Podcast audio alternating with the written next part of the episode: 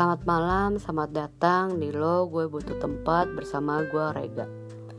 Kali ini gue akan membahas tentang evolusi seksualitas gue. Kenapa gue mengangkat topik ini? Karena podcast gue ini adalah zona aman.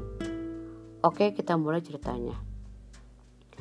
Awal mula gue merasa beda itu dari semasa gue kelas 1 SMP Gue sempat tertarik sama kakak kelas gue, sebut aja dia R Waktu SMP, gue yang masih kelas 1 dan R 2 tahun di atas gue. R berkulit putih, punya lesung di pipi dan mukanya sedikit Arab. By the way, R ini adalah cewek. Gue mikir gue cuma ngefans doang sama dia. Dan gue kayak gak mungkin gue suka sama cewek. Pada akhirnya gue dan R jadi kru buat acara cup di sekolah gue. Gue memberanikan diri untuk menghampiri dia dan minta foto bareng sama dia. Waktu gue foto bareng dia, gue deg-degannya bukan main. Tapi ya udah gitu aja. Semasa SMP gue juga sempet naksir sama cowok. Dan gue kira gue biseksual. Kisah gue berlanjut ke SMA. Di SMA gue masih naksir cowok, tapi rasa ketarikan gue ke cewek semakin dalam. Gue naksir temen gue, dan dulu waktu SD gue sempat satu sekolah sama dia. Sebut aja A. Walaupun banyak orang yang bilang kalau A itu sombong, tapi buat gue yang udah kenal lama sama A dari SD biasa aja. Setiap gue ngeliat A, bawaannya deg-degan mulu. Dan di sinilah gue mulai mengeksplor apa dan siapa seksualitas gue. Lanjut ke semasa kuliah. Gue punya teman sekelas. Gue dan dia sama-sama di program internasional kampus gue. Karena dia ini transferan dari luar, jadi mata kuliah gue dan dia cuma ada beberapa yang sama. Gue dan dia hampir 24 jam bareng. Ke mana gue ada, pasti ada dia. Sampai salah satu dosen gue ada nanya sama gue. Gue dan dia ada apa? Pada kala itu gue juga bingung. Karena gue dan dia kayak lebih dari temen, tapi pacar juga bukan.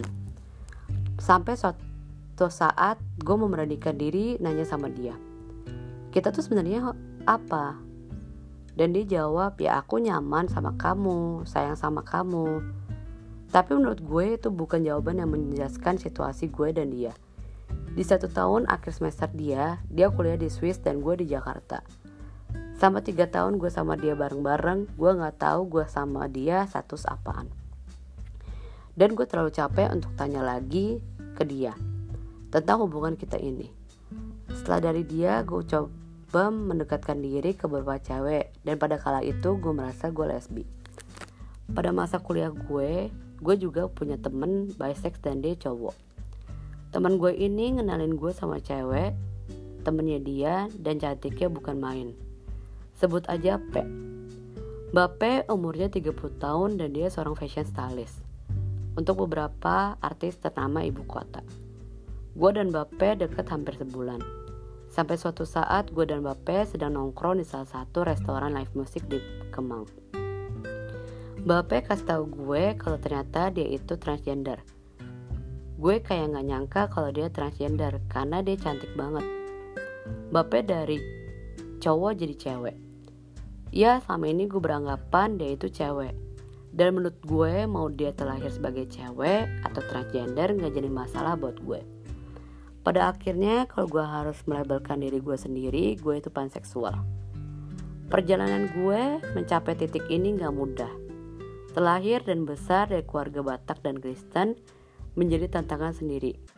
Gue denial selama 5 tahun. Kalau gue bukan seperti ini. Pengaruh keluarga yang bilang kalau suka sesama jenis itu sebuah penyakit sempat mempengaruhi gue. It's not like I woke up one day dan choose to be this way. I am this way because I am.